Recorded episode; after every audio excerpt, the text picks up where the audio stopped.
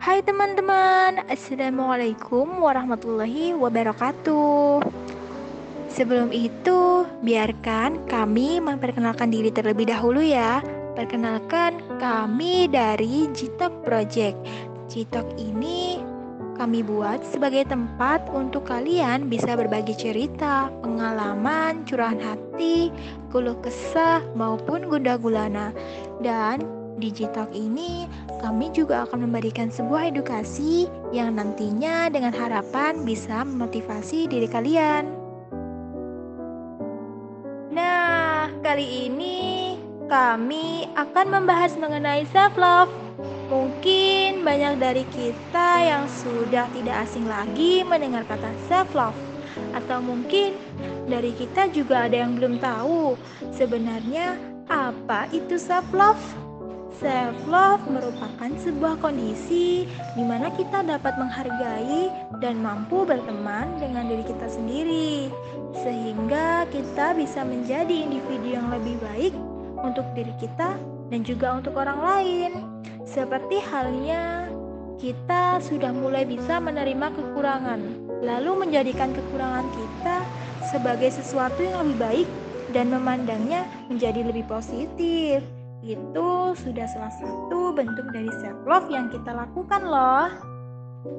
Berbicara mengenai self love, ada salah satu narasumber kita yang sudah hadir dan mau berbagi cerita mengenai self love menurut dirinya.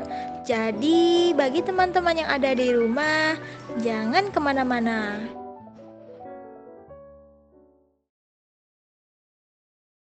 Berdasarkan pengalaman pribadi, dulu saya termasuk orang yang gak mencintai diri sendiri sih.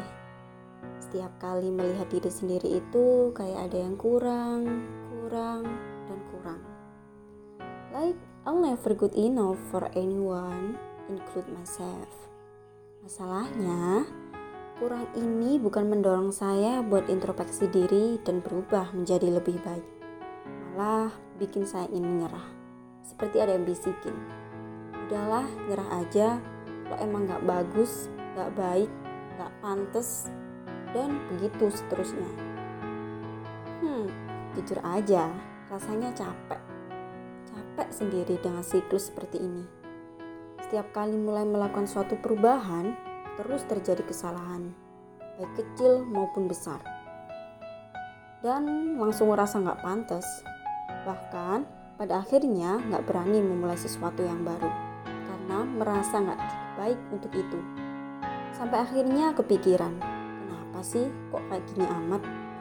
Bukankah Allah menciptakan kita dalam bentuk sebaik-baiknya? Bukankah sejak lahir sudah tercipta sebagai pemenang? Ingat kan? Kalau lagi training motivasi gitu, pasti diingetin tentang waktu kita di dalam kandungan. Bahwa kita terbentuk dari sel telur dan sel sperma yang berhasil mengalahkan jutaan sel sperma lainnya. Well, walaupun sering diingetin hal itu, tetap aja pas lagi momen down, semuanya luntur. Sampai akhirnya saya menemukan kalimat indah di sebuah novel yang sampai saat ini ternyanyi di kepala saya. Terutama ketika saya sedang down. Kalimatnya seperti ini. Tersenyumlah, Allah mencintaimu lebih dari yang kau perlu. Ya, ini kalimat paling manis yang pernah saya dengar dan akan selalu saya ingat. Kalimat ini membuat saya sadar bahwa ada yang mencintai kita tanpa pamrih, menyayangi kita sepanjang waktu, melimpahi kita dengan kebaikan dan kasih sayang yang tak mungkin kita hitung. Dan meskipun kita telah melakukan kesalahan paling besar, dia akan tetap memaafkan dan mencintai kita. Itulah Allah Subhanahu wa taala. Setelah Allah, Siapa yang paling mungkin mencintai diri kita? Yourselves, diri kita sendiri. Orang tua kita memiliki kasih sayang yang besar kepada kita, tetapi mereka tak selalu ada di samping kita. Begitu juga dengan pasangan, sahabat, anak, dan kerabat lainnya. Lalu, siapa yang selalu ada saat kita sedih, marah, senang, kecewa, frustasi selain Allah Subhanahu wa Ta'ala? Ya, diri kita sendiri. Dengan mencintai diri kita sendiri, kita nggak akan terlarut dalam patah hati berkepanjangan karena nggak cukup baik buat si dia. Kita mengerti, mungkin diri kita bukan tipenya, mungkin orang yang bukan diinginkannya dengan mencintai diri sendiri, kita nggak akan ikut-ikutan ke hal yang nggak benar. Hanya karena ingin diterima atau dianggap oleh seseorang ataupun sekelompok orang. Kita mengerti bahwa kita punya batasan yang tidak bisa dilanggar. Yang jika melanggar batasan itu berarti kita nggak sayang sama diri kita. Mencintai diri kita sendiri, kita melakukan hal-hal yang baik untuk diri kita, dan pasti ada efek baik juga ke lingkungan sekitar kita.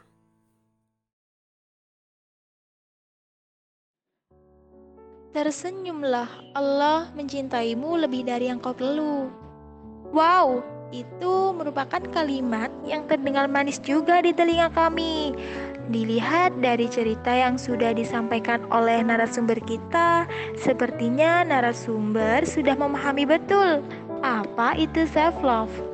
Seperti narasumber bilang tadi, dengan mencintai diri sendiri, lebih baik kita berperilaku apa adanya tanpa harus memikirkan orang lain.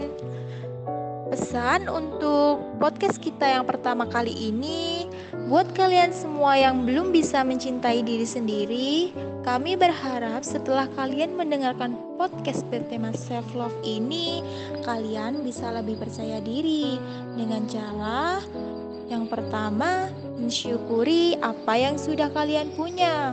Yang kedua, tidak perlu membandingkan diri kalian dengan orang lain. Yang ketiga, meluangkan waktu untuk melakukan me time. Yang keempat, memaafkan dan melepaskan kesalahan. Dan yang kelima, jadilah versi terbaik dari diri kalian. Baik, Terima kasih kepada narasumber kita yang sudah mau berbagi pengalamannya kepada kita di Jitok Podcast kali ini. Sekian podcast yang bertema self love. Semoga dapat memberikan manfaat bagi kita semua. Dan di sini saya akhiri. Wassalamualaikum warahmatullahi wabarakatuh. Sampai jumpa di podcast selanjutnya.